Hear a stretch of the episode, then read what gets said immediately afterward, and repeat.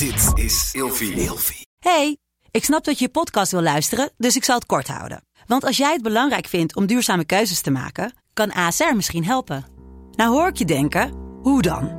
Nou, bijvoorbeeld bij het duurzaam herstellen van schade. Of de premies die we beleggen volgens ons duurzaam beleggingsbeleid. Dat bepaalt waar we wel en juist niet in investeren. Wil je meer weten over welke duurzame keuzes ASR maakt? Ga dan naar asr.nl slash duurzame keuzes. ASR doet het. Zo, dan kan je nu lekker naar je podcast luisteren. Hannelore in je oren wordt mede mogelijk gemaakt door Emma Sleep. Van luxe matrassen tot wilderige beddengoedaccessoires. Elke ochtend fit wakker worden, omdat je er s'nachts fun en fabulous bij ligt. Krijg nu korting oplopend tot 50% en met nog eens 10% extra korting wanneer je mijn persoonlijke code gebruikt. Dat is Hannelore in hoofdletters gespeld. Klik op de link in de beschrijving van deze podcast. Droom bijvoorbeeld lekker weg op een Storage Deluxe boxspring met een airgrid kussen en een vier seizoenen dekbed. Heerlijk toch? En dan nu de podcast. Geweldig gênant. Scheetjes, botox, rommel, hard huilen bij de film. In deze aflevering ben ik schaamteloos eerlijk. Hannelore in je oren. Fit. Fun. Fabulous. Het is zover. Een solo podcast. Ah, vind ik moeilijk. Ik zal straks uitproberen te leggen waarom. Maar weet je, ik ben ook van de, van de grootste gebaren. Uh, groots en meeslepend en zo. Huppatee, in één keer de pleister eraf en boem. Meteen in het diepe springen. Niet zeuren, maar aanpakken. En dus heb ik het meest, meest vreselijke onderwerp gekozen voor deze eerste echte solo-aflevering dat ik mij maar kan bedenken. En dat is alles waar ik me voor schaam. Alles wat ik eigenlijk niet durf te vertellen. Maar hey, als me dit lukt in de eerste solo-aflevering, dan heb ik het allermoeilijkste maar meteen gehad. En dan kan het vanaf nu alleen nog maar makkelijker worden. En trouwens, mocht je nu denken, goed zo Loor, lekker bezig, ga zo door. Abonneer je dan op deze podcast. Of klik in Spotify of in Google op volgen. Want hoe meer mensen ik bereik, hoe groter de kans dat ik hiermee eh, door kan gaan. Dank je wel alvast daarvoor. Ja, wat is schaamte? Nou, ik heb de definitie opgezocht. Een onaangenaam gevoel dat je wilde dat je iets niet of iets anders had gedaan of dat je ergens anders was. Of een gevoel dat iemand een neiging heeft zich te verbergen voor anderen. Kortom, uh, van die dingen die je hebt of doet, nu of in het verleden, waar je het eigenlijk niet over wil hebben, dingen die je weg wil stoppen. Nou, ik wil aardig wat wegstoppen dus. Dus weet je wat, ik gooi het gewoon op tafel. Ik, ik heb een lijstje gemaakt van uh, tien dingen en ik zal zo open en eerlijk uh, mogelijk zijn. Weet je wat het is? Ik krijg vaak berichten van mensen, vooral via, via Instagram, met de vraag hoe ik nou iets doe, hoe ik iets, regel. Waaruit dan blijkt dat die ander denkt dat ik het helemaal voor elkaar heb en het helemaal heb gemaakt. Alsof ik boordevol zelfvertrouwen zit en super blij ben met mezelf. Nou, dat is niet zo. Sterker nog, ik zou soms de liefst in een hoekje willen kruipen. En ik kan echt ontzettend van mezelf balen. Maar een van de redenen dat ik überhaupt met deze podcast wilde beginnen, is dat ik vind dat we allemaal best wat eerlijker mogen zijn over onszelf. En, en ook wat liever voor elkaar en dus ook wat liever voor onszelf. Het kan juist heel krachtig zijn, denk ik, om jezelf kwetsbaar op te stellen. Dus dat ga ik nu ook doen. En wie weet heb jij er ook wat aan, omdat het herkenbaar is. En uh, ja, uh, gedeelde smart is halve smart. En ik vind iets minder eng of, of minder erg als ik weet dat iemand anders dit ook meemaakt of heeft gemaakt. Nou, uh, weet je wat? Ik ga gewoon beginnen. ik kijk wel hoe het gaat. Even zien, ik pak mijn lijstje erbij. Zo. Want ja, uh, ik vind het dus best eng om zo in mijn eentje een heel verhaal te houden. Omdat ik het eng vind, komt die, om in het openbaar te spreken. En dat is meteen het eerste waar ik me voor schaam. Dat ik als, als mediapersoon, als aandachtstrekker, als presentator... er blijkbaar eng vind om in mijn eentje op een podium te staan. Uh, ja, echt. En weet je, het grappige is dat ik als um, uh, presentator en als Oké, ik gebruik het woord een keer influencer, want dat ben je met een bepaald aantal volgers op Instagram. Ik word best wel vaak gevraagd voor, voor dingen en ik zeg dus meestal nee. Heel af en toe zeg ik ja. Ik moest bijvoorbeeld, uh, of tenminste, ik werd een paar ma weken, maanden geleden gevraagd of ik een, uh, een, webinar wilde presenteren. En dat was voor verschillende goede doelen. En het was bedoeld om ouders um, ja, wat handvatten te geven, wat, wat tips en tricks om hun kinderen wat vaker buiten te laten spelen. En toen dacht ik, oké, dit, dit vind ik tof, dit vind ik goed, dit vind ik nuttig. En ik vind dat ik dit moet kunnen. Nou, daar ging ik hoor. Oi, oi, oi. Ik heb daar dan zo'n stress van van tevoren. Terwijl het eigenlijk heel erg meeviel, want het was een webinar. Dus uh, ik zat er voor een camera met een paar andere mensen die het allemaal net zo spannend vonden als ik. Helemaal goed. Ging ook gewoon echt wel goed, als ik heel eerlijk ben. Dus ja, weet je, dat, dat valt wel mee. Maar op een podium staan, dat je dan al die mensen ziet die je zo aankijken, verwachtingsvol. Uh, en dan denk ik, oh, ik ga dood. Ik krijg geen lucht. Ik, uh, ik stik. Ik ga hyperventileren hier, terwijl iedereen het ziet. Ik heb niks te melden. En ze dachten nog wel dat ik heel wat te melden had. En daar sta ik dan. Nou, dan kijk ik echt als een soort bang konijn in die, in die lampen die dan op je gericht staan op zo'n podium. En dan denk ik echt, oh my god. Vaak duurt dat trouwens maar even. Het is vaak alleen maar de eerste minuut, eerste twee minuten dat ik denk, oh, ik wil vluchten. Um, daarna gaat het meestal wel. Dan zit ik wel in mijn rol en dan merk je gewoon dat het lekker gaat. En ik heb me ook altijd goed voorbereid. Uh, dat is volgens mij wel belangrijk, dat je je dan echt goed voorbereidt. Daar kan het niet aan uh, misgaan. En wat ik dan vaak ook doe thuis, als, als ik het ga voorbereiden. De tekst heb ik dan voor een groot deel uitgeschreven. En dan ga ik eerst uh, door mijn slaapkamer rondjes rennen. of even de trap op en neer chasen, zodat ik buiten adem ben. En dan ga ik dus mijn teksten oefenen. En dan vooral de begintekst. Want dan weet ik dus precies waar ik adem kan gaan halen. Dus mocht ik inderdaad helemaal in ademnood komen, dan heb ik dat al een keer gehad. En dan weet ik precies, oh ja, hier kan ik in de tekst even stoppen, even lucht halen. En dan, uh, ja, dan, dan overleef ik het wel. Dus dat is een soort uh, mechanisme, een, trucje wat ik mezelf uh, heb aangeleerd. Plus dat ik ook altijd probeer aan het begin van een presentatie, zeker op een podium, uh, dat ik dan iets vraag aan iemand. Het liefst sta ik naast iemand anders op het podium, die ik dan even een korte vraag kan stellen in het begin. Of ik ga heel even het publiek in. Dat is ook een trucje wat ik toepas. En dan zijn bij mij die ergste spanningen alweer weg. En dan gaat het wel. Maar ik, ik, ik vind dat dus heel erg spannend. Je, je ziet het publiek, heb je bij de radio natuurlijk niet. En, en je staat er meestal in je eentje. Ja, en een podcast opnemen, dat doe je dus ook in je eentje.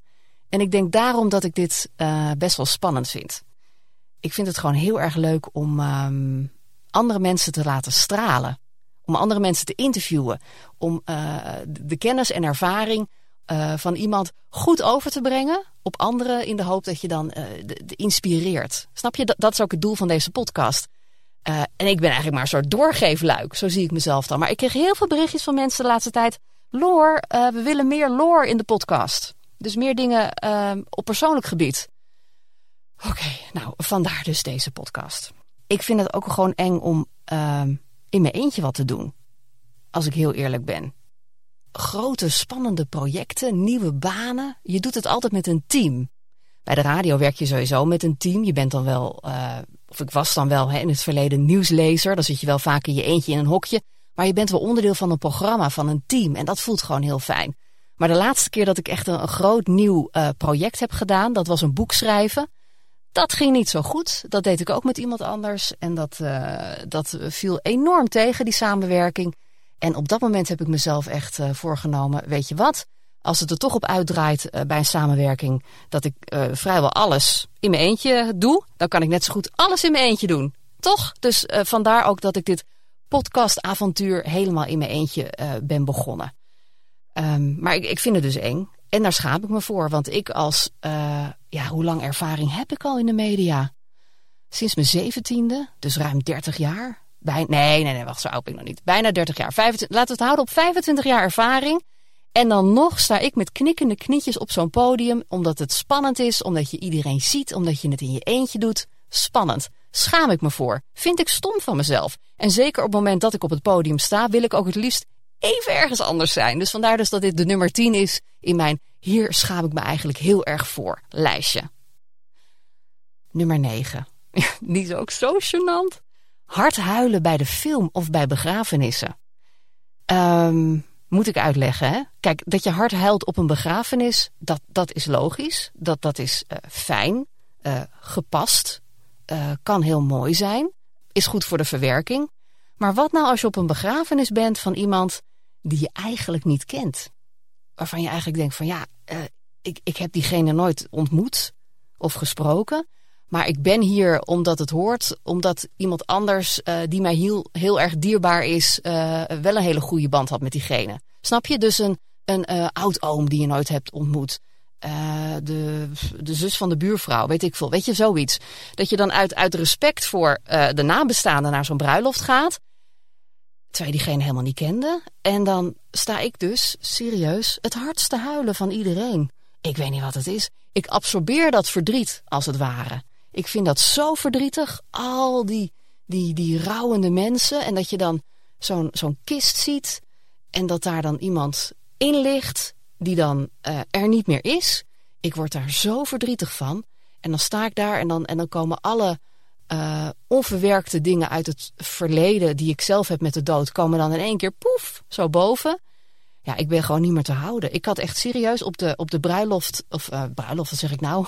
nou zie je, daar gaat het al. Ik word nu al ongemakkelijk van als ik erover praat. Begin ik over bruiloft. Oké, op de begrafenis van de oma van mijn man. Uh, die had ik wel, ja, die, die kende ik op zich wel redelijk goed. Uh, maar ik moest echt zo hard huilen dat ik mezelf echt na de dienst, tijdens de receptie, heb ik mezelf dus opgesloten uh, op het invalide toilet. Ik heb uiteraard eerst gecheckt dat er geen invaliden waren die toilet nodig hadden. Ik heb er echt een uur gezeten, want ja, ik bleef er weer bijna in. Totdat mijn man op een gegeven moment dacht: Oké, ik heb mijn vrouw nu al een tijd niet gezien. Ik ga eens even checken of ze door de pleeg gezakt is. Nou, dat was dus niet zo. Uh, en hij wist me gelukkig wel te vinden. Maar ik, ja, ik vind dat gewoon zo gênant. Zeker als je dan iemand niet echt goed hebt gekend. Alsof je dat verdriet kaapt. Snap je? Op dat moment trek je ook alle aandacht naar jezelf toe. Terwijl je echt voor geen goede reden daar helemaal verdrietig staat te zijn. Ik vind dat dus niet oké. En daar schaam ik me echt voor. Dus uh, sorry als je me ooit hebt zien huilen op een begrafenis. En dat je dacht, hoezo? Doe jij eens even normaal. En uh, waarom haal je het hart van iedereen?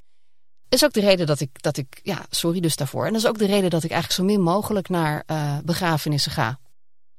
Bruiloften vind ik ook een ding trouwens. Daar moet ik ook vaak een beetje huilen. Maar dat zijn dan mooie tranen. Hè? Dat gaat vaak wel goed. Waar, waar ik vaak ook heel hard moet huilen. En dat is ook weer gênant. Schaam ik me ook voor. Dat is in de bioscoop.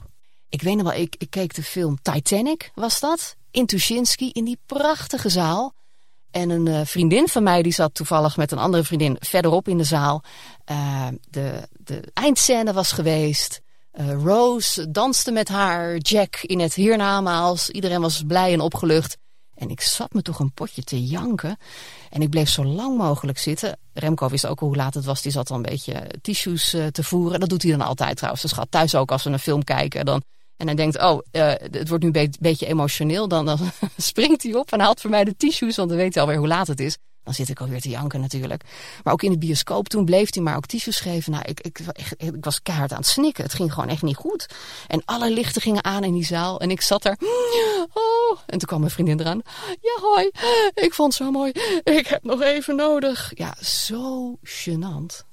Echt super gênant. En je hebt hier in Hilversum heb je ook een bioscoop. Dat heet het, uh, het, het Filmtheater.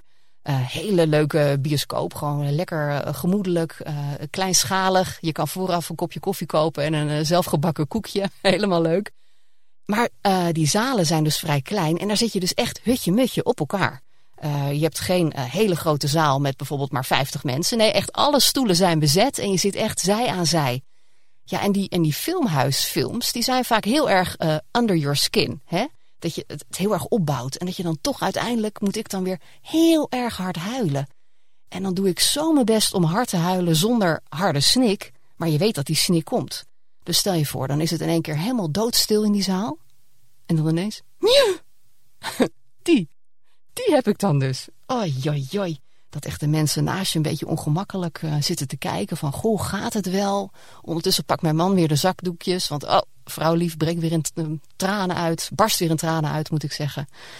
Heel erg gênant. Schaam ik me voor. Waar ik me ook voor schaam.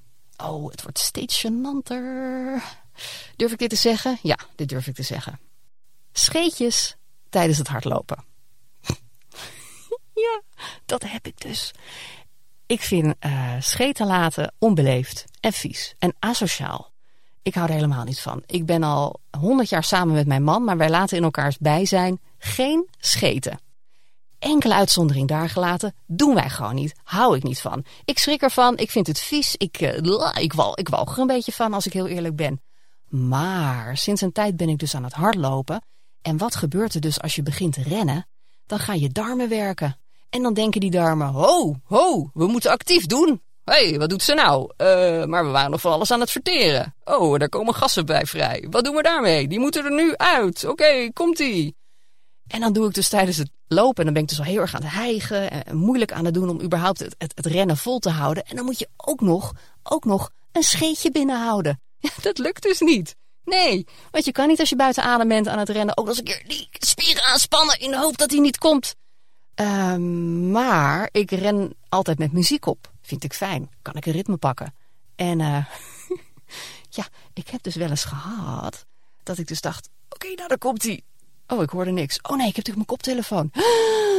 Dus dan dat moment dat je om me heen kijkt en hoopt dat maar niemand het heeft gehoord. Ja, oké, weet je, het is in de buitenlucht. Dus op zich is dat wel de, de meest uh, sympathieke plek om er eentje te laten schieten. Maar uh, ja, dat kan natuurlijk niet. Dus wat ik, wat ik nu altijd doe, um, ik probeer er rekening mee te houden hoor, met uh, wat ik eet en wanneer ik eet. Om te zorgen dat dat niet dat effect heeft tijdens mijn training. Maar het wil nog wel eens gebeuren. Dus dan doe ik eerst even één oortje uit. Dan kijk ik schichtig om me heen. Een beetje quasi geïnteresseerd van, oh, waar loop ik eigenlijk? oh, ik zie een auto. Oh, een fietser. Oh, hallo. Ja, lekker aan het rennen. Hoi. En dan scan ik dus razendsnel de omgeving om te zien of er dus iemand binnen gehoorafstand is. En dan uh, laat ik ze alsnog vliegen. Ja, doe ik dus. Vind ik vies van mezelf. Schaam ik me voor. Wat ik ook zo gênant vind, is dat ik zo slecht ben in namen. Vroeger was dat uh, ja, ook, ook een probleem, maar minder. Sowieso was mijn geheugen vroeger natuurlijk ietsje beter. Maar toen kende ik ook minder mensen. Dus wist ik een naam sneller te onthouden. Uh, maar vroeger uh, kenden mensen mijn naam ook niet. Of vergaten ze die. Helemaal prima. Hè, dan staat het 1-1 als je uh, van allebei de naam niet weet, zeg maar. Ehm, maar ja, tegenwoordig weten mensen wie ik ben. Hoe ik heet. En dan krijg je dus echt zo... Hey, Hannelore! Hi, hoi, hoe is het met jou? Oh, hoe heet diegene, hoe heet diegene? Oh, was het iets met een P? P? Pieter? Pieter? Nee, Pim, Pim. Het was het Pim. Ja, hi. Uh, en wat ik dan dus heb geleerd, is dat je dan moet vragen van... Goh, uh, ik wil die opzo opzoeken op Instagram, maar wat is ook weer je naam? En dan zegt hij, nou, ik heet uh, Pieter.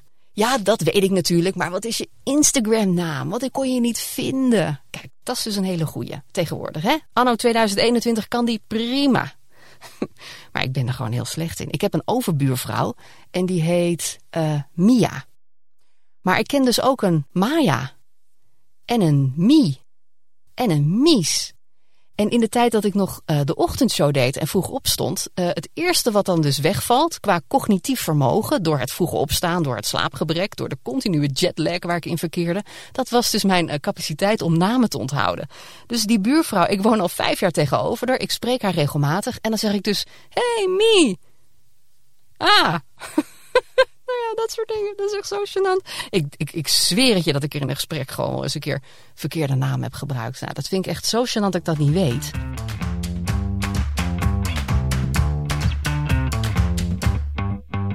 Wat ik heel erg lang heel erg gênant vond, maar ik ben een beetje over die schaamte heen aan het raken.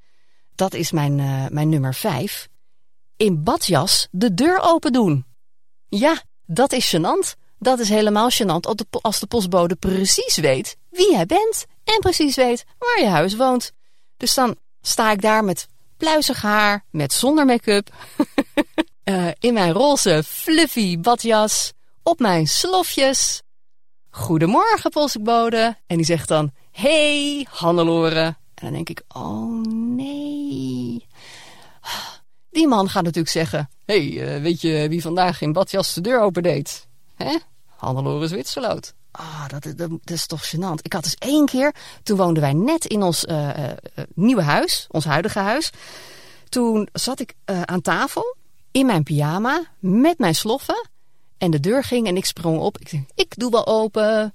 En toen stond er dus een, een groep jongeren voor de deur. En die zeiden echt, hallo, Hannelore Zwitserloot. Wij doen een speurtocht en wij moeten op de foto met een BN'er. Mogen wij even een foto maken? En daar sta je dan op je sloffen in je pyjama.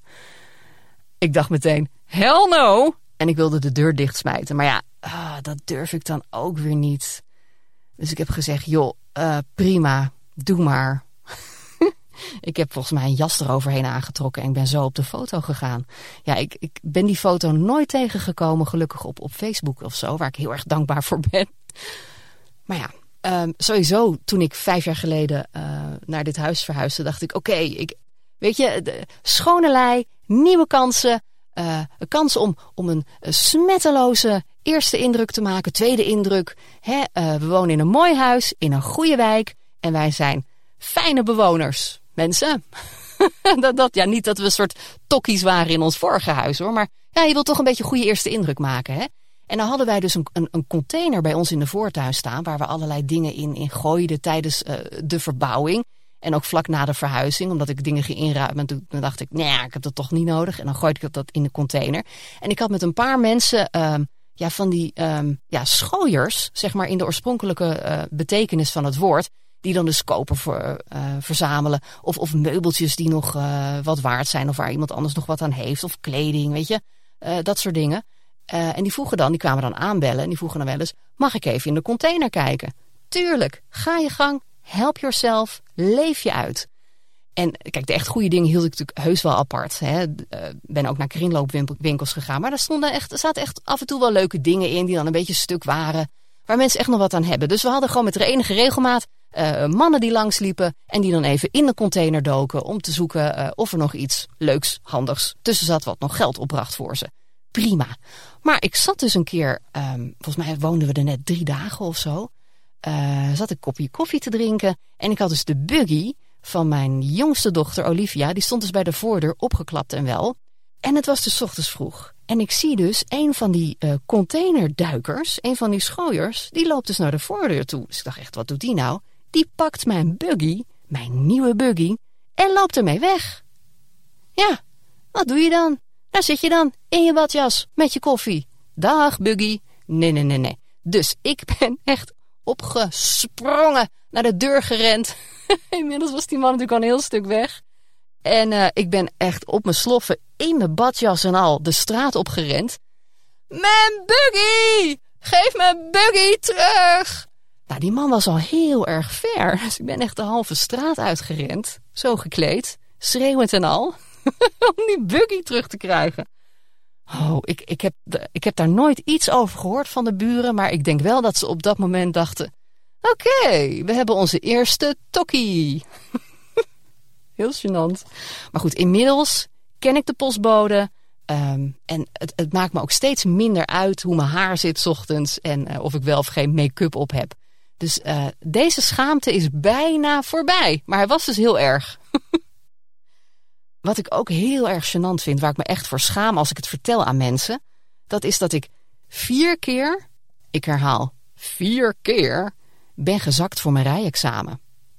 Dat is toch erg, hè? Wat denk je nu? Nou denk je echt, loser. Uh, hoezo kan je niet rijden dan? Ja, en dat komt dus omdat ik um, faalangst heb. Ik had het op school heel erg. Had ik, als ik dan een repetitie had, helemaal op de middelbare school was het uh, echt een toestand. Dan was ik zo nerveus. Ik weet nog wel, in mijn eindexamenjaar had ik zoveel stress en het ging vervolgens allemaal in mijn nek zitten, waardoor ik mijn hoofd gewoon wekenlang niet kon draaien. Ik kreeg allerlei pillen en spierverslappers en ik moest naar een psycholoog om daarover te praten. Mijn faalangst nam echt verschrikkelijke vormen aan. Ik, ik weet nog, ik, ik deed mijn wiskunde A-examen. Ik zat op VWO en ik had allerlei extra vakken, dus echt niks om je zorgen om te maken. Maar ik was zo zenuwachtig voor mijn wiskunde A-examen dat ik, um, ik, ik gebruikte toen die spierverslappers, ik gebruikte paracetamol. Ik werd er allemaal zo erg duf van. Ja, ik had gewoon pijn in mijn nek en in mijn hoofd, dus ik moest wel dingen doen. Daar werd ik zo duf van dat ik heel veel druivensuikertabletjes uh, uh, nam. Heel veel koffie. Uh, ik haalde s'nachts door omdat ik dan wilde leren. Kortom, het ging niet goed met mij. En ik heb toen echt dat, dat wiskunde-examen heb ik al kotsend en di diarrerend, is dat een werkwoord? Uh, doorgebracht. Het, elk kwartier moest ik naar de wc. Um, en dan bij examen moest dan dus zo'n surveillant moest dus met me meelopen. En ik weet nog goed, dat was uh, um, de, de, de directrice van de school, volgens mij zelfs. Of de vervangend directrice. En die had van die hakjes. En, die, uh, en dan, elke keer moest ik dan mijn vinger opsteken. En ik dacht, oh, ik moet weer kotsen. Dus ik, dan stak ik dus mijn vinger op. En dan gingen we heel stil met z'n tweeën naar de wc. Dus waar ik echt... of enorm, enorm hard zat te poepen. en zij moest daar dan dus bij blijven staan om te checken dat ik niet aan het spieken was. nou, na drie keer heeft ze het opgegeven. Toen zei ze, ga zelf maar. nou, daar was ik heel dankbaar voor. Maar goed, um, ja, super gênant dus dat ik zo'n zo'n faalangst heeft. En dat heeft dus ook weer allemaal vervelende gevolgen vervolgens. Nou, dat, dat eindexamen heb ik uiteindelijk prima gehaald. Niks aan de hand. Gewoon wel goede cijfers. En dan kon ik altijd wel goed leren. Dus die faalangst is nooit echt aangepakt. En ik moet ook eerlijk zeggen dat juist omdat ik elke keer dan zo opgefokt werd... Uh, dat er een soort van beetje fotografisch geheugen bij mij werd geactiveerd. Had ik dat nou maar voor namen? Hè? Ja, ik hoor je denken, maar goed. Dus dat fotografisch geheugen werd dus uh, geactiveerd. En uh, het, het, bracht me ook wel veel. Het, snap je, het, het, gaf me ook veel, die faalangst. Want ik presteerde daardoor uiteindelijk wel beter dan, dan zonder. Maar toen kwamen mijn rijlessen. En daar zorgde dus de faalangst ervoor dat ik echt niks kon. Ik, ik, ik maakte gekke fouten tijdens die rijexamens. Eerste keer, toen was ik nog bijna geslaagd ook. Ik dacht dat ik al was gezakt en toen was een of ander borstelwagentje. Ging te langzaam. Ik dacht, ja, uh, fuck it, ik ben toch al gezakt. Ik ga gewoon lekker inhalen. Um, waarna dus de examinator zei, nou, dat ging best redelijk. Alleen jammer van dat borstelwagentje op het eind. Had je niet moeten doen, ben je toch gezakt. Dacht ik echt, oh nee, ik was gewoon bijna geslaagd. Nou, de keer daarna, toen hing er bij mij echt een baan vanaf. Want ik zou gaan werken in, wat was het, bij het ANP in Rijswijk. En ik woonde toen in Zaandam, dus ik had echt mijn rijbewijs nodig om die vroege en late diensten te kunnen doen. Ik was er helemaal binnen. Ze hadden gezegd, alleen nog even je rijbewijs halen. Toppie, doe ik. Ga voor de tweede keer. Eerste keer was ik toch al bijna geslaagd. Nou, ik kreeg echt al na, na vijf minuten ruzie met de examinator. Want ik reed op een, op een, splitsing af. En ik zag, ik had met lessen heel vaak op die splitsing gestaan. En ik wist, als je eenmaal staat te wachten, kan het heel erg lang duren. En in het begin had die examinator gezegd, rij maar een beetje vlotjes door hoor. Gewoon lekker rijden alsof ik er niet bij ben. Prima, dacht ik, daar gaan we. Dus ik reed die splitsing af en ik zag dus meteen, hé, hey, ik kan. Dus ik wil uh, afslaan, waarna die examinator echt vol op zijn rem staat en zegt, je hebt niet goed gekeken. Ik zeg, ja, ik heb wel goed gekeken en ik ken deze splitsing en er kwam ook niks aan. Dus ik zag dat ik kon. Ja, zei hij toen. Uh, wil je nu terug naar het CBR of zullen we het half uur nog even volmaken? Nou, doe dan maar meteen terug naar het CBR, zei ik toen. Was ik ook wel weer klaar mee. Wat een lul. Uh, maar goed, dus die tweede keer was ik ook weer gezakt. Nou ja, toen werd het natuurlijk helemaal paniek. Derde keer, vierde keer ook weer gezakt. Steeds op andere dingen. Uiteindelijk mocht ik dus gelukkig staatsexamen doen. Dat is voor de echte kneuzen. Uh, en mijn uh, rijinstructeur destijds die zei... Loor, hier kan je niet voor zakken. En het meisje voor me, die zakte dus. Nou ja, je begrijpt al een beetje wat er toen door me heen ging. nou, van alles. ik weer rennen naar de wc natuurlijk. Nee, ik, um, um, en, en die examinator zei ook van ja, als ik zo zie, want dan kunnen ze dus helemaal uh, zien waar je dus de vorige vier keer op gezakt bent, ben je elke keer op iets anders gezakt. Dus wat is er nu echt aan de hand? Dus ik uitleggen van ja, ik, ik, ik raak gewoon helemaal in de stress en ik uh, blokkeer en ik doe gekke dingen en dan zak ik weer. Nou, dus we gingen heel rustig rijden en uiteindelijk, weet je, is dat goed afgelopen. Maar ja, nu als ik dus aan mensen vertel dat ik vijf keer, vijf keer rijexamen heb gedaan, ja, dan klink je als zo'n kneus. Ik roep altijd dan, uh, ja, dus ik heb een uh, roze pasje met een uh, gouden randje eromheen. maar dat is natuurlijk helemaal niet grappig. Het is natuurlijk gewoon een beetje sneu. En eigenlijk schaam ik me daar dus voor. Dat ik dus vier keer ben gezakt voor mijn rijexamen. En dat ik dus faalangst had en heb. Waarschijnlijk, toch? Want als je er niks aan doet, dan blijft dat natuurlijk gewoon bij je. Misschien als ik nu weer rijexamen zou moeten doen, dat ik weer zou zakken. Oh my god. Nee, ik moet er niet aan denken. Dus ik blijf gewoon netjes rijden in de hoop dat ik dat rijbewijs nooit kwijtraak. Jij begrijpt nu waarom. Waar ik me ook voor schaam, en dat, ja, ga, ja, dat ga ik ook gewoon zeggen, is dat ik zo rommelig ben. Echt, als je mij mijn gang laat gaan, als ik in mijn eentje zou wonen, oh, dan zou het huis echt een bende zijn. Ik weet zelf precies waar alles ligt. Vergis je niet. Ik weet alles te vinden in mijn eigen, zo noem ik het altijd uh, tegen mijn man, mijn eigen georganiseerde chaos. Wat mijn man dus doet de laatste tijd, is dat hij dus stiekem gaat opruimen. We hebben dus een la, daar ligt het bestek in, maar hebben ook een groot vak voor kleine dingetjes. Uh, elastiekjes, uh, plakband, stiften, Ja, en van alles eigenlijk wat, wat er verder nog aan kleine prulletjes het huis inkomt, waarvan mijn man denkt, hebben we niet echt nodig, kan wel weg. Dan verhuisde dus die la in. En eens in de zoveel tijd, want daar heb ik hem laatst op betrapt, gooit hij dus dat hele vak leeg. Dan doet hij dat dus in een tasje. Want hij weet, als ik iets weggooi en Loor heeft het nodig, dan hebben we oorlog. Dus ergens in huis, en ik weet dus niet waar, staat dus een hele grote tas met al die kleine troepies uit die la. En dan hoopt hij dus dat ik dus nooit vraag van... Waar is dit en dit? Wie heeft het opgeruimd? Hoe kan dat nou weg zijn? Daar hoopt hij dan dus op. Um, uh, en, in dan, en dan uiteindelijk gaat hij volgens mij die grote zak weggooien. Of misschien heeft hij dat zelfs al gedaan. Want ik kan me niet voorstellen dat vijf jaar aan kleine troepies dat dat ergens goed te verstopt. hij heeft het vast al weggegooid. Ik ga het eens even vragen. Uh, maar goed, um, bij mij in huis. Zeker uh, op de kamer die ik als mijn kamer beschouw. Het is onze slaapkamer, maar ik heb hem helemaal ingepikt met mijn studio en mijn uh, thuiswerkplek. En ik heb ook uh, heel, een heel klein badkamertje heb ik. Met een wastafel en een wc. Helemaal prima, want we slapen op zolder. En dan kan ik s'nachts tenminste gewoon plassen. En s ochtends vroeg, dat was heel handig in de tijd van de ochtendshow... gewoon even netjes make-up en haar doen en tanden poetsen en zo.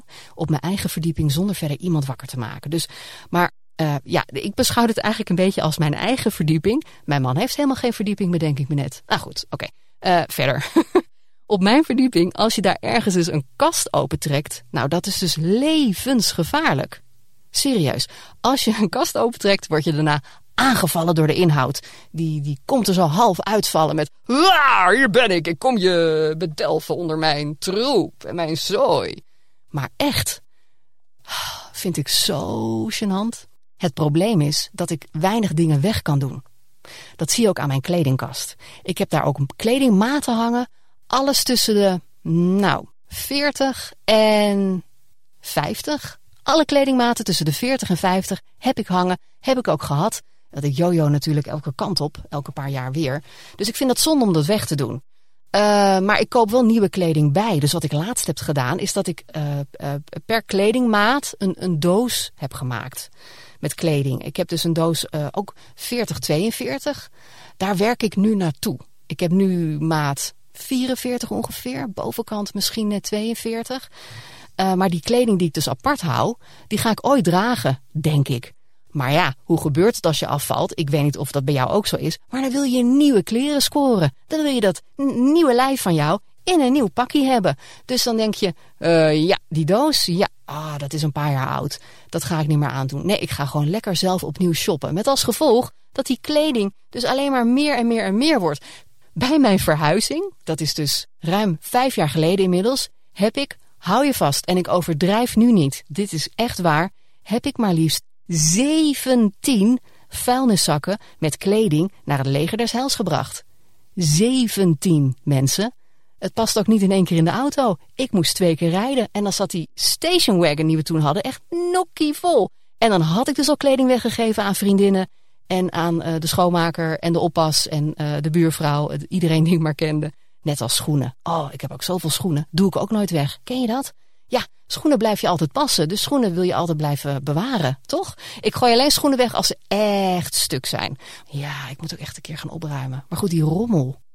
Ook beneden ik ben ook van de troepies. En af en toe, weet je, dan kan ik echt zitten in mijn, in mijn huis en dan kijk ik om me heen en denk ik, wat een bende. Wat zou het fijn zijn als dat allemaal is opgeruimd. Maar ja, zeker in die coronatijd. Je hebt ook geen bezoek. Dus waarom zou je dan opruimen? De enige voor wie ik nog heel vaak opruim, is de schoonmaakster. ja, ik heb met haar ooit afgesproken dat ze vooral geen dingen moet gaan verplaatsen of gaan opruimen als ze aan de gang gaat, maar dat ze overal omheen moet werken. Nou ja, op het moment dat het huis zo'n enorme bende is dat ze overal omheen moet werken, ja, dan valt er dus ook verrassend weinig schoon te maken. Uh, dus ja, dat, dat, is dus een ding. Dus als de schoonmaakster komt en ik denk, oké, uh, deze zooi staat hier al heel lang, dan gooi ik wel eens dingen allemaal in een tas. Of dan uh, schuif ik het even naar de andere kant, zodat ze er tenminste bij kan. Dus mijn schoonmaakster is de enige voor wie ik op dit moment echt opruim. Maar als we dus visite krijgen, straks hè, als die coronatijd weer, weer echt helemaal voorbij is, ja, dan moet er echt wel aan de bak. Daar ga ik ook een keer een podcast over doen, bedenk ik me net. Over dingen opruimen, over hoe je dan de boel zo kan organiseren dat het ook niet weer een troep wordt. Want het is altijd, het begint, ik weet niet of dat bij jou ook zo is, maar dan hebben we bijvoorbeeld een bank in de gang. Die is dan leeg. En dan ineens staat er een paar schoenen op. Dag later hangt er een vest, beetje zo omheen. Een handdoek, een troepie, een pen, een doos. En als je dan niet, niet uitkijkt, binnen een week ligt er dus allemaal zooi. Eh, dat ene troepie heeft dus al zijn vriendjes uitgenodigd. Troep trekt troep aan. Dat is gewoon echt zo. Dat is ook een podcast waard. Maar goed, ik, ik ben dus rommelig. En ik ben dus ook het type dat als ik dus bezoek krijg, dat ik dan om me heen kan kijken en dan denk: oh shit, het is hier een bende. Wat te doen? Nou, dan ga ik dus als een malle dus door mijn huis heen om te kijken wat ik nog uh, kan, uh, kan opruimen. Zo gênant. Meteen uh, gaan we meteen door met het andere punt. We zijn nu in de top 3 beland, dus het wordt nog gênanter hoor jongens. Ja.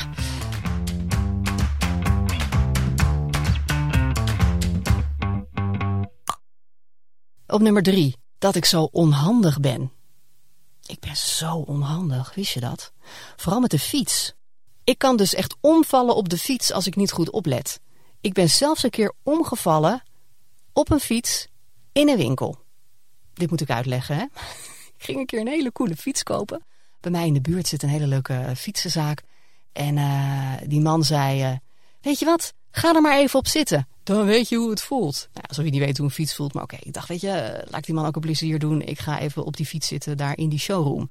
En die fiets stond op zo'n stevige standaard. Want hij had ook een, een houten krat aan de voorkant. Sowieso, houten details, dus dat ding was ook best wel zwaar. Stevige standaard, huppatee, daar ging ik. Dus ik uh, klim op die fiets, ik ga zitten en val dus echt serieus met fietsen al zo, boem, om. Ja, en dus niet op de grond. Nee hoor, naast mij stond een rek met allemaal helmen. Dus ik nam dat hele rek mee. Oh, en ik had pijn. Ik kon bijna niet opstaan. Echt enorm dikke enkel. Maar ik wilde mezelf natuurlijk niet laten kennen natuurlijk. Dus ik ben die winkel uitgestrompeld. Heb de fiets wel besteld trouwens. die kon ik dan later gaan ophalen. Uh, maar echt met, met fietsen al. Rinkel de kinkel. Boem, daar ging ik hoor. Zo gênant. Zo onhandig ook. Ik schaamde me helemaal dood.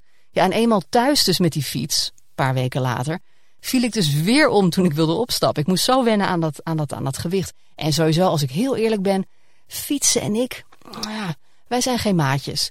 Ik wil altijd ook als ik fiets, wil ik in één keer zo boem, met, beide benen op de grond kunnen staan voor het geval ik omval. Wat er dus uh, voor zorgt dat mijn zadel altijd heel erg laag moet.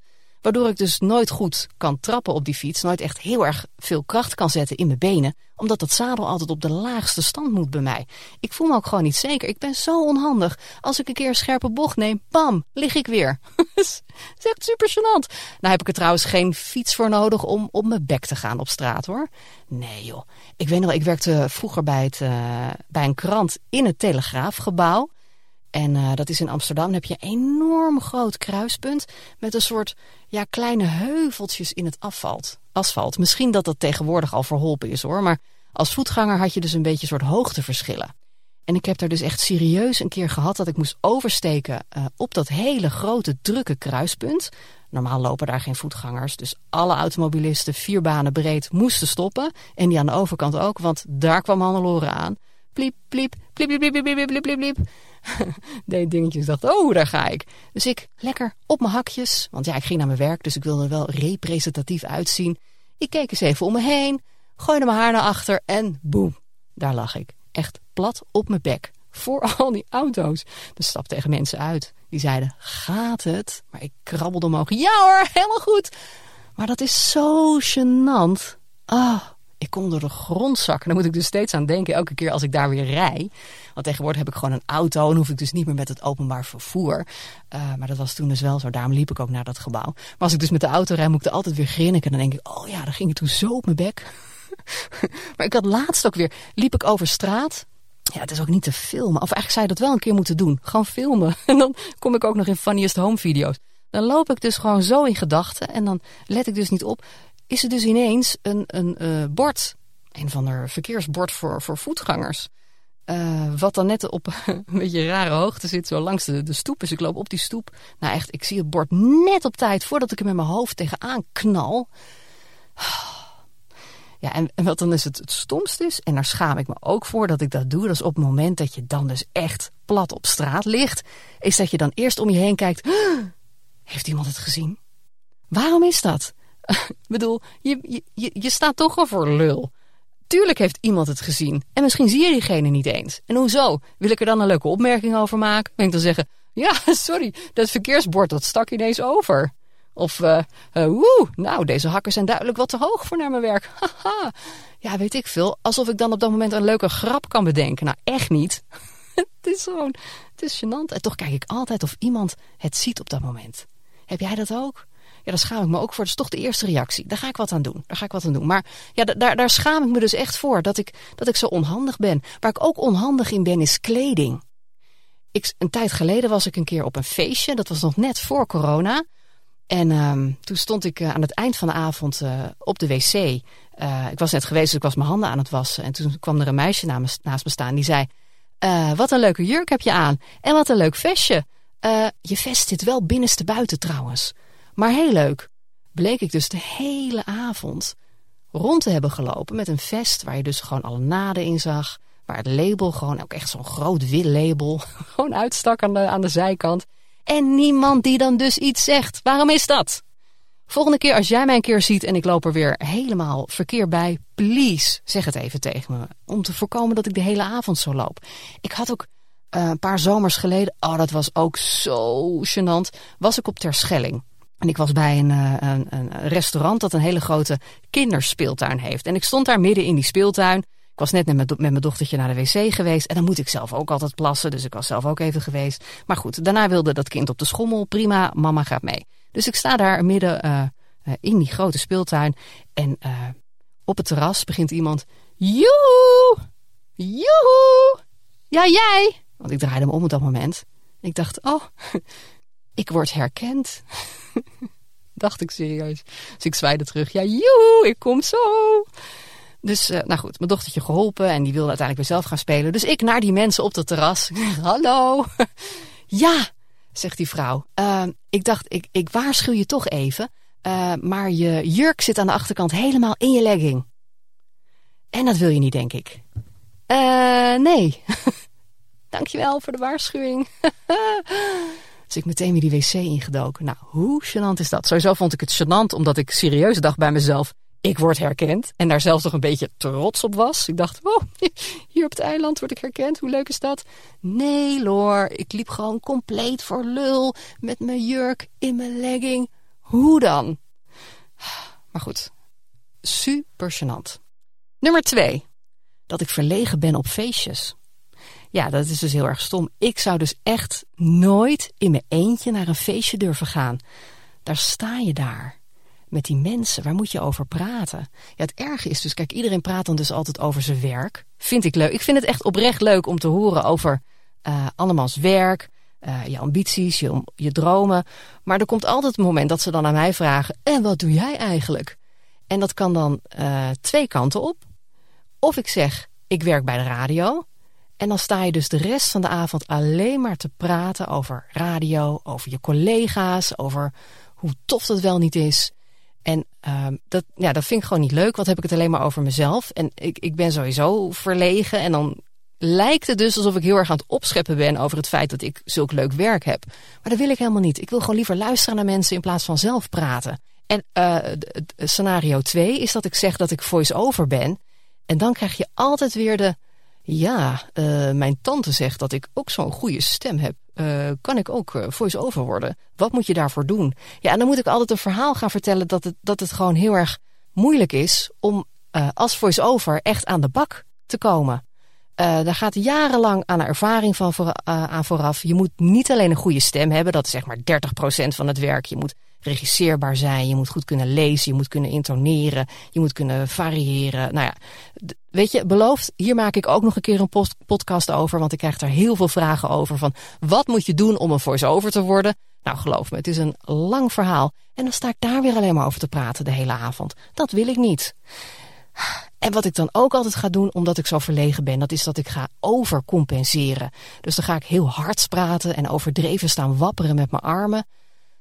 En dan soms dan een beetje het gevoel, ken je dat? Dat je even uit je lichaam treedt en dat je dan eens even naar jezelf staat te kijken en dat je denkt, meid, doe nou eens even rustig. Heb het nou niet alleen maar over jezelf. Relax, neem een drankje. En dan schaam ik me helemaal dood dat ik weer zo sta te overdrijven. Dus het, het, kan nooit eens een keer normaal of zo bij mij op een feestje als ik mensen, mensen spreek. En dan de nummer één. En dat, dat vind ik nou echt een gênante. Die doet een beetje pijn, als ik heel eerlijk ben. Ik heb twee dochters van uh, 7 en 12. En ik vind altijd, je moet als ouder het voorbeeld geven. Het goede voorbeeld voor je kinderen. Dus als ik vind dat, uh, stel dat mijn kinderen heel veel op hun telefoon zouden zitten de hele dag, dan vind ik niet dat je dus als ouder daar wat kan zeggen als je zelf de hele dag op je telefoon zit.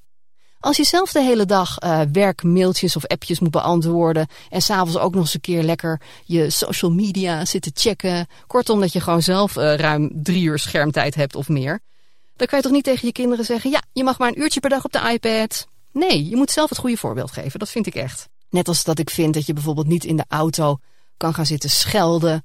Of, of uh, lelijk kan gaan zitten doen op het moment dat, dat je uh, bijna een aanrijding hebt. Omdat een of andere pannenkoek niet uitkijkt.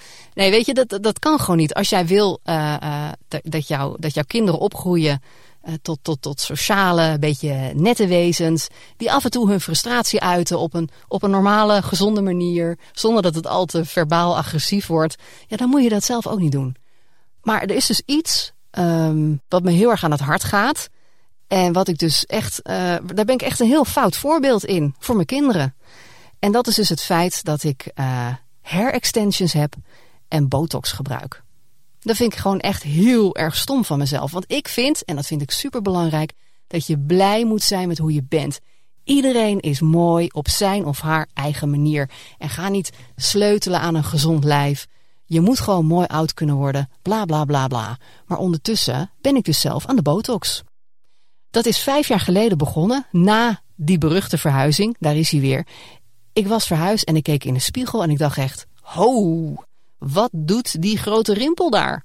Boven mijn ene, mijn linker wenkbrauw, zo'n enorme fronsrimpel. Maar dan echt ook van drie centimeter lang, die er gewoon niet meer uitging. Blijkbaar was het dus mijn, mijn angstige blik van een paar weken of misschien wel maanden lang in aanloop naar die verhuizing. Waardoor ik dus ineens een dikke vette rimpel had gekregen. En toen dacht ik echt, oh nee, dat gaan we dus niet doen. Want door die rimpel zag ik er gewoon constant bezorgd uit. Een beetje als een soort paniekpatiënt. Oh, oh, oh. Zo'n uh, zo'n lelijke rimpel. Dus toen ben ik uh, naar de eerste de beste botox-kliniek hier in Hilversum uh, gereden. En uh, toen heb ik dus een klein beetje, klein beetje botox gekregen. En die vrouw zei, ah, dan doen we hier ook meteen wat. Dan heb ik nog wat over, dat doe ik dan hier ook. Da, da, da, nou, geweldig. Ja, die rimpel was dus weg. En ineens bleken er dus nog veel meer rimpels weg te kunnen. Top! Nou ja, en uh, wat dus uh, het probleem is, zodra dus die botox is uitgewerkt, dan voel je dus dat die fronsrimpels weer komen. Je voelt die wenkbrauwen weer zakken. Je voelt weer dat je zo'n vermoeide blik krijgt. En dat zie je ook in de spiegel. Dus ja, eens per half jaar ga ik dus weer terug voor één spuitje, wat ze dan dus verdelen. Dat heet volgens mij baby botox of zo. Maar ik doe het wel. En dat vind ik eigenlijk dus niet tof van mezelf. Want ik vind dus dat je gewoon mooi oud moet kunnen worden. Ik verf mijn haar niet omdat ik grijs ben, maar omdat ik gewoon uh, weer lekker blond wil blijven zoals ik ben. Maar ik heb dus wel hair extensions. Van die hele, hele lange haarmatten ingevlochten. En eigenlijk heb ik al heel erg lang hair extensions. Uh, ik denk dat ik daar rond mijn 25ste mee ben begonnen. Eigenlijk vanaf het moment dat ik het kon betalen, dat ik 100 euro per maand over had, toen ben ik ermee begonnen en vervolgens dus nooit meer mee gestopt. Want ja, dat kan ook niet meer, want dan heb ik zo'n lullig bosje over. Het probleem is namelijk dat mijn haar is zo dun, dat het dus niet echt uh, voorbij mijn schouders komt als ik het wil laten groeien. En vroeger als kind, uh, en ook nog in het begin van mijn twintiger jaren, zeg je dat zo? Nou goed, toen ik nog jong was, zeg maar. Toen had ik ook gewoon lang, blond, vol haar. Maar toen, ja, er ging ergens iets mis. Het werd dunner, het, uh, het, het, het slijt dus heel erg. En ik wil zo graag van het lange haar, want dat past zo bij me. En mijn dochters hebben ook fantastisch lang haar. Maar ja, uh, mama heeft dus uh, lang haar van de kapper. Zeg ik dan altijd maar. Ja, ik maak er ook geen geheim van. En als ze dan vragen, maar hoezo heb jij dan hair extensions? Zeker Olivia, mijn jongste, zit er af en toe een beetje aan te plukken. Of die zegt, nou, mam, ik zie je extensions. Zo noemt ze het dan. dan moet ik even de boel een beetje bedekken weer. Want dan zit er weer een rare hap aan de achterkant, waardoor uh, alles zomaar open en bloot te zien is, zeg maar. Maar dan zeg ik, ja, maar mama heeft dat omdat ik net zo mooi haar als jij wil hebben. Dus dat zo'n draai geef ik er dan maar aan. In de hoop dat, dat zij wel het gevoel hebben dat, dat hun haar perfect is zoals het is. Maar ja, ik heb dus hair extensions. Maar die botox is het ergst. Oh, weet je wat ik een paar maanden geleden heb gedaan? Ja, toen ging ik een beetje uh, overdrijven, zeg ik heel eerlijk. Het was toen uh, aan het einde van de periode van de, van de ochtendshow. Toen had ik zo'n vermoeid hoofd. Ik werd ook gewoon steeds moeier. En ik wilde gewoon wat laten doen aan die, aan die uh, ja, wallen is het niet, maar de enorme rimpels onder mijn ogen, die dus gewoon niet meer weggaan. Die er dus gewoon altijd blijven staan. Die zitten dus, volgens mij zit het een beetje in het verlengde van lachrimpeltjes, wat je aan de zijkant hebt, of bij je, bij je ooghoek aan de buitenkant. Maar dit zit dus echt onder mijn ogen. Um, en toen dacht ik, nou, daar moet toch ook iets aan te doen uh, zijn. Dus toen ik laatst weer was hè, voor de uh, uh, halfjaarlijkse spuitjes in mijn voorhoofd. Toen zei ik, kan je daar nog wat aan doen? Toen zei ze, nou, dat, dat, uh, dat kan wel, maar dan moet ik ook aan de zijkant moet ik dan wat botox doen. Dat is tegen de, de, de kraaienpootjes, tegen de lachrimpels. Dat, dat wilde ik niet. Maar ze zei, ja, dat is de enige manier, want dan pak ik dat hele gebied zo naar onder mee. En toen zei ik, nou, doe maar, ik ga het een keer proberen. Oh, het was verschrikkelijk. Ik leek wel Gerard Joling. Ik weet niet ja, dat zie je wel bij meer BN'ers. Die hebben dat dan dus ook laten doen. En als die dan dus lachen, dan lachen hun ogen niet mee. Moet je maar eens opletten. Kijk, los van het feit dat dan die wenkbrauwen gelift zijn. Dat, dat, daar heb ik het niet over. Maar uh, als ze dan lachen, dat je dan dus ziet dat, dat hun ogen aan de zijkant... dat er dus helemaal geen rimpeltjes komen tot aan de onderkant. Dat had ik dus. En dat was raar. Ik vond het zo raar bij mezelf staan en ik dacht ook echt, oh, iedereen ziet dit nu. Maar gelukkig, mijn collega's hebben er niks van gezegd. Mijn kinderen hebben er niks van gezegd. Zelfs mijn man heeft het niet gezien. Nou ziet hij wel heel vaak dingen niet hoor, want hij ontdekte sowieso pas na vier jaar dat ik uh, botox deed. Hij wilde het ook niet weten, zegt hij. Hij zegt, uh, als je ooit zoiets laat doen, dat zei hij vroeger, ja, van lippen op laten vullen. Hij zei, als jij je lippen op laat vullen, ga ik nooit meer met je zoenen. Oké, dacht ik, dan maar niet. Maar een tijd geleden dacht ik, joh, uh, je merkt het niet eens, want ik gebruik al heel lang botox, dus dan kunnen die lippen ook nog wel bij. Dus ik heb dat een keer laten doen, mijn lippen. Oh, dat was ook zo'n fiasco. Ja, het deed heel erg pijn, trouwens. Vergis je niet hoor, dat doet echt zeer. Respect voor vrouwen die dat elke keer doen, want auw, auw, auw. En na afloop, een dag later, ging ik naar de kapper. En ik werd ochtends wakker. Mijn lippen waren helemaal opgezwollen. Ik leek wel een eend. En ik kon ook niet echt praten. Dat klinkt dus een beetje zo. Dus ik ging naar de kapper. met die dikke lippen. En ik dacht echt, oh, niemand ziet het hopelijk. Was ochtends heel vroeg weggegaan. Dus de kinderen die lagen nog in, uh, in, in bed met de iPad. En mijn man die was lekker aan het uitslapen. Dus ik ging s ochtends vroeg heel vroeg naar de kapper. En ik kwam binnen en die zei echt, die kapper... Wat heb jij nou aan je lippen? Oh, ik kon bijna niet meer praten. Nou, en toen uiteindelijk ben ik naar huis gegaan. En toen zei mijn man ook, wat heb jij gedaan? Nou ja, toen heb ik het dus maar bekend. En toen heb ik ook maar meteen die botox uh, bekend. Ja, ik denk, ik ben toch bezig nu. Nou, dat, dat vindt hij dan niet zo ramp, maar hij vindt het wel super stom. En die lip heb ik natuurlijk nooit meer gedaan. Het was gewoon een soort allergische reactie. Dus die dingen waren helemaal opgezwollen, ondanks dat ik enorm aan het masseren was. Uh, want dat moet dan. En met ijsblokjes was ik in de weer, het hielp allemaal niet. En toen twee weken later was het weg. Foetsie.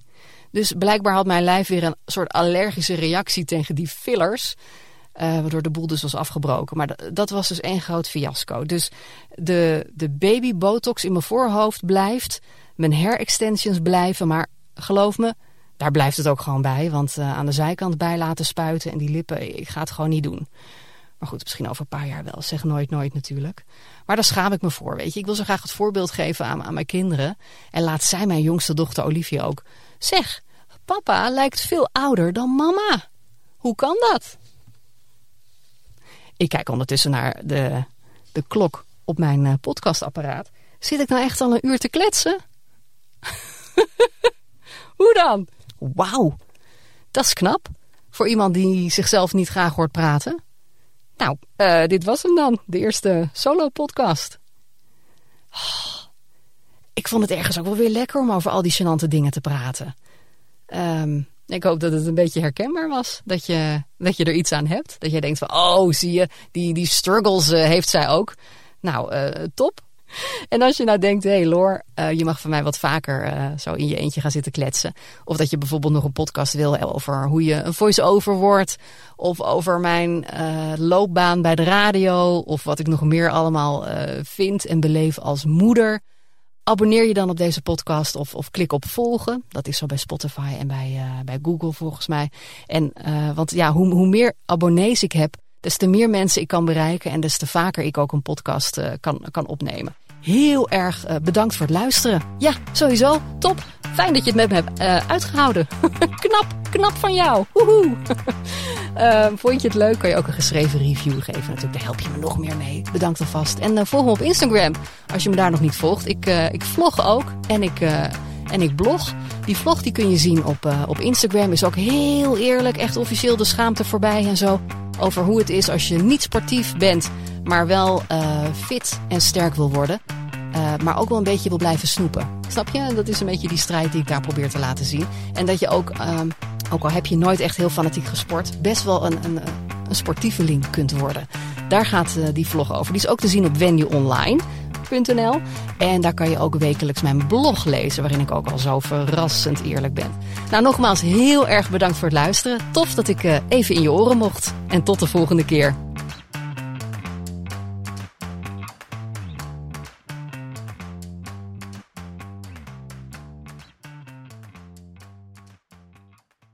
Hannelore in je oren wordt mede mogelijk gemaakt door Emma Sleep.